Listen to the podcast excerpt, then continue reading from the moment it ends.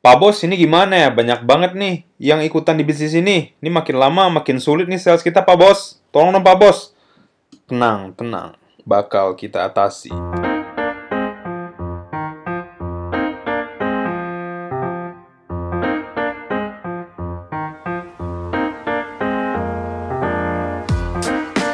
Anjir, macet banget pulang kantor.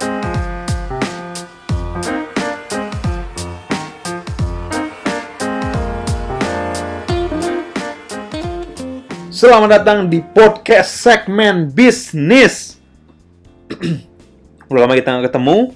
Sorry banget, gue sungguh sibuk beberapa minggu ini. Eh, makanya sekarang gue take untuk episode terbaru. Alhamdulillah banyak yang eh, dengar dan udah semakin meningkat juga eh, follower gue di Spotify. Yang belum eh, follow, please follow lah. Ini biar makin berkembang eh, channelnya biar makin berkembang juga podcastnya biar kalau ada yang butuh eh, bisa langsung chat gue aja. Eh, bisa di Instagram bisa di Twitter atau bisa email Eh, langsung aja nanti. Kalau memang butuh misalnya pengen ngundang gue sebagai pembicara atau apa pun itu gue akan ladenin dulu semua. Hari ini kita akan bahas hal yang paling penting ya sih semua hal di sini penting tapi hari ini kita akan bahas bagaimana cara menghambat ancaman dari pendatang baru.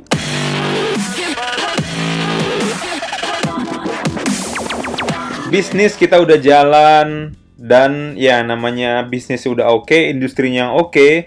eh, dan kalau kita baw- eh, bangun dari nol itu kan pasti akan membuahkan hasil yang baik ya kalau kita terus berusaha. Nah ibaratnya kalau kita lagi mancing nih eh, sekali lempar kail dapat ikan. Sekali lempar kail dapat ikan lagi. Nah ini kan bikin orang yang tadinya nggak mancing di situ jadi ini kan tertarik kan kayak anjir boleh juga tuh kolam.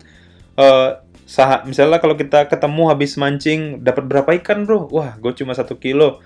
Wah gue dapat 5 kilo nih. Nah sekali lu ngasih tahu hal kayak gitu aja itu udah banyak tuh pemancing yang akan mau join eh, mancing di pemancingan yang biasa tempat lu mancing. Anjir panjang banget banyak banget mancingnya. Nah ini sama aja kayak industri.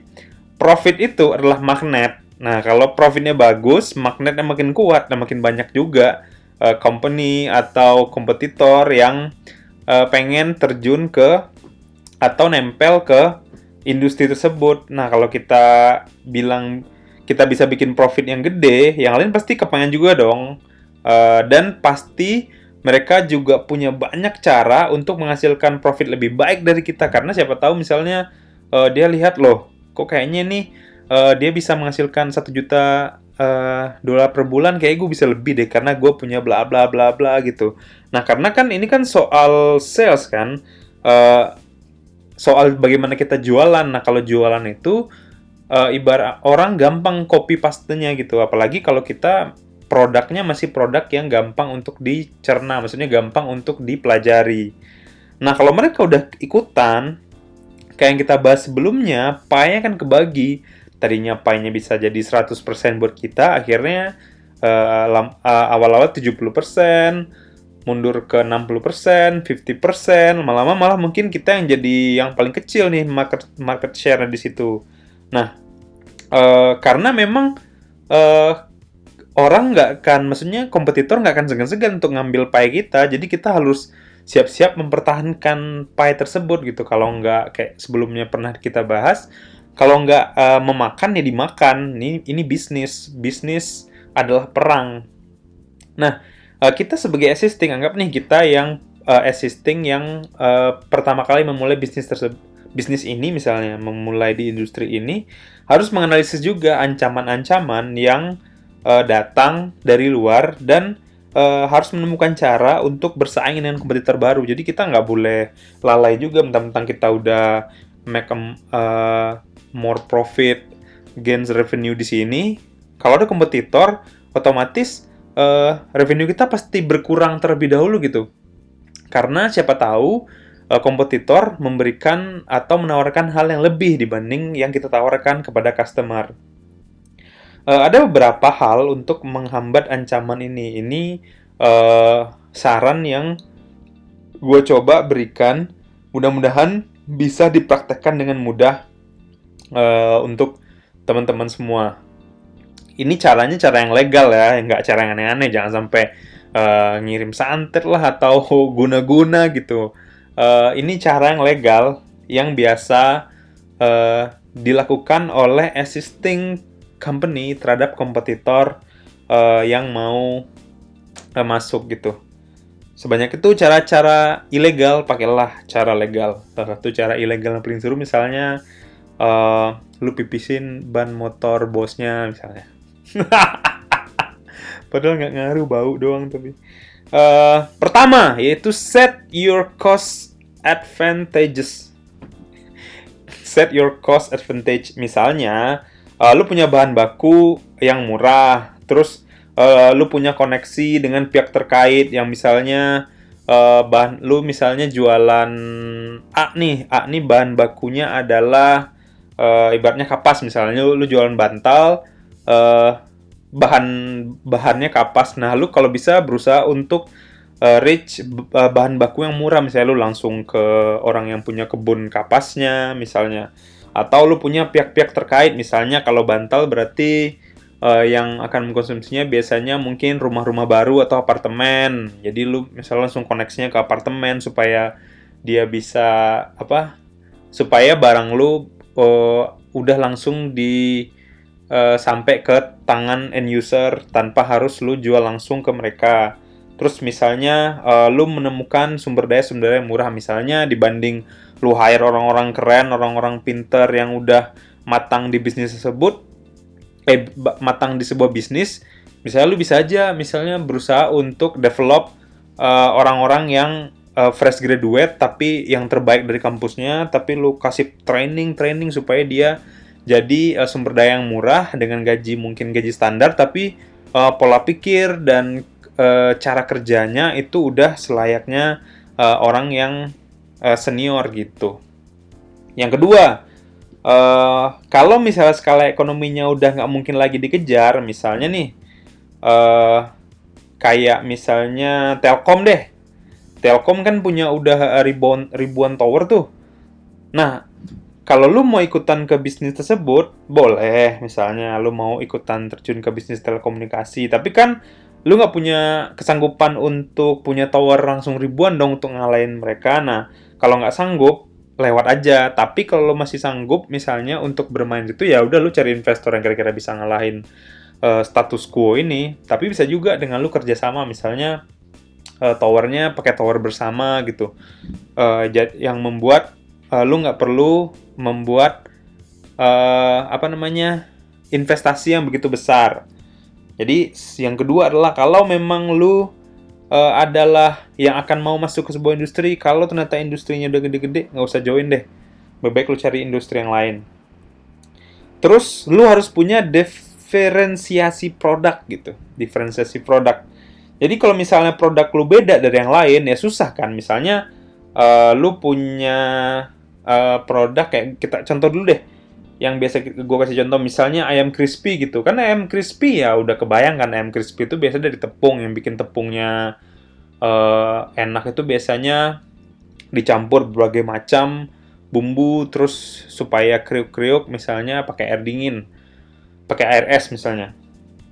Tapi kan uh, kalau bilang ya udah bang gue gue uh, bumbunya bumbu yang lain. Nah bumbu yang lain itu kan sebenarnya bukan hal yang susah untuk ditiru gitu. Yang pen ya cuman rasa dong yang beda. Tapi uh, yang paling diharuskan misalnya nih ayam uh, ayam lu uh, hanya ayam kampung misalnya. Sedangkan di luar sana uh, susah nih ayam ayam nyari ayam kampung gitu. Cuma lu doang yang, yang punya ayam ayam kampung dan ayam kampung lu datang langsung dari kampung halaman lu dengan langsung distributornya misalnya. Nah itu mungkin bisa jadi pembeda banget karena orang yang mau ikutan anjir beli ayam kampung aja susah gitu. Uh, makanya intinya kalau lu punya produk yang biasa-biasa aja ya siap-siap aja dimobadir oleh kompetitor. Uh, terus uh, lu harus punya channel distribusi apa yang maksud dengan channel distribusi ini? Misalnya nih, kalau lo bisa menguasai uh, apa namanya end user apa orang yang akan uh, menerima barang lu, uh, misalnya channelnya cuma satu, ya berarti uh, retail anggap retail nih dan lu menguasai semua toko retail yang ada di seluruh Indonesia. Nah itu dulu pasti menang gitu karena kalau orang mau ikutan join ke industri tersebut ya dia uh, akan head to head uh, dengan lu tapi juga akan sulit uh, ngejar channel distribusi lu gitu. Nah, uh, gimana kan kalau lu bisa ngalahin eh gimana kalau gimana orang bisa ngalahin lu kalau lu punya channel distribusi yang bagus gitu. uh, terus uh, selanjutnya adalah porto yang udah banyak portofolio nih kalau udah punya portofolio marketing kan juga enak nih bisa berani uh, dan lu kalau adu-aduan marketing ya tergantung uh, lawan lu bisa nggak ngalahin lu gitu. Kalau misalnya uh, mereka mau ngalahin lu tapi ternyata yang bukti portofolio yang bagus ya cuma lu ya mereka malah akan bakar duit doang gitu tanpa menghasilkan apa-apa. Jadi kalau lu udah punya porto yang bagus ya biarpun lu first uh, yang main di, di industri tersebut ya berikanlah yang terbaik buat customer gitu terus selanjutnya nah ini yang cukup penting uh, regulasi nah ini sebenarnya kan pihaknya eksternal nih kayak beberapa startup juga sebenarnya ter, uh, tersandung dengan regulasi. Nah, makanya sebenarnya uh, kalau kalau misalnya lu punya bisnis yang uh, terregulasi dengan baik dan kalau bahkan lu bisa melobi government untuk bisa bikin regulasi karena lu bisa menjanjikan uh, apa ya sumbangsi ekonomi yang besar itu udah udah nggak bisa yang lain ikutan. Karena ngurus regulasi itu lama banget nih. Ngurus regulasi itu udah lama mahal. Terus uh, kalau lu misalnya mau ikutan di situ, itu malah mungkin uh, ibaratnya ngebunuh diri lu sendiri. Misalnya nih, uh, gue kasih contoh misalnya Telkom deh, Telkom kita ke Telkom lagi deh, Telkom itu kan uh, untuk lu bisa uh, punya tower, untuk lu bisa uh, punya izin untuk jadi uh, media telekom telekomunikasi di suatu negara kan itu sulit. Nggak nggak sekedar uh, bikin-bikin aja bre. Jadi kalau lu nggak punya koneksi ke regulasi dan bisa ikutan uh, main di bisnis itu ah, lu nggak akan bisa ngalahin existing yang ada di sana jadi kalau lu sebagai bisnis yang lagi existing, uh, kejarlah regulasi-regulasi yang kira-kira akan sulit untuk dikejar oleh kompetitor lu di kemudian hari. Terakhir, uh, yang paling nggak uh, bisa dikejar oleh sebenarnya kompetitor adalah investment yang udah lu lakukan gitu. Misalnya lu nih uh, sebuah perusahaan yang bergerak di bidang IT dan lu udah bikin software udah bagus banget dan orang udah menikmati software tersebut ya akan sulit nih untuk uh, apa namanya kompetitor untuk uh, join ke bisnis tersebut bisnis lu ini. Misalnya nih lu uh, anggap untuk bisa uh, step sebuah bisnis yang oke okay itu anggap dari step 1 sampai step 5 misalnya.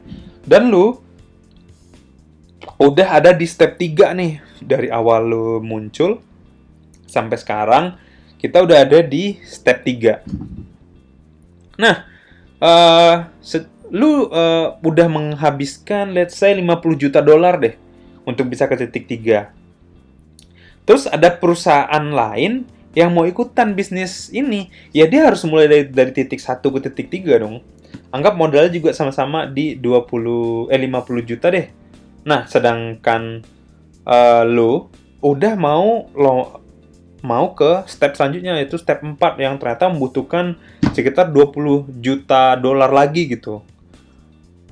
Bayangin aja tuh, perusahaan Eh, yang mau ikutan itu harus menyiapkan 70 juta dolar untuk bisa ngejar lu supaya sama-sama di step 4 gitu. Kalau dia pengen ngejar. Tapi kalau dia nggak pengen ngejar, ya ngapain dia masuk ke bisnis tersebut kan? Kalau dia ternyata cuma sanggup setengah-setengah. Nah, inilah yang harus lu uh, pastikan di awal nih. Ibaratnya kalau gue dulu tuh, yang gue kejar adalah misalnya hak paten, lalu investasi aplikasi, lalu aplikasi lu di uh, masukkan ke hak paten juga. Eh bukan hak paten, apa namanya? Hak dagang, hak merek dan lain-lain itu kan itu ngurusnya lama tuh. Dan investasi lu udah bikin aplikasi, apalagi lu bisa bikin uh, produk yang ternyata itu mengandung uh, copyright, misalnya sistemnya lah, atau teknologinya lah, itu kan berarti orang kalau pengen juga ikutan, berarti dia harus minta izin ke lu. Nah, hal-hal seperti itu, itu uh, akan jadi penghambat para kompetitor untuk ngalahin lu di suatu industri. Uh, mungkin sekian aja episode kali ini. Thank you udah dengerin. Sampai jumpa di episode selanjutnya. Salam investasi. Eh, kok salam berarti? Salam entrepreneur.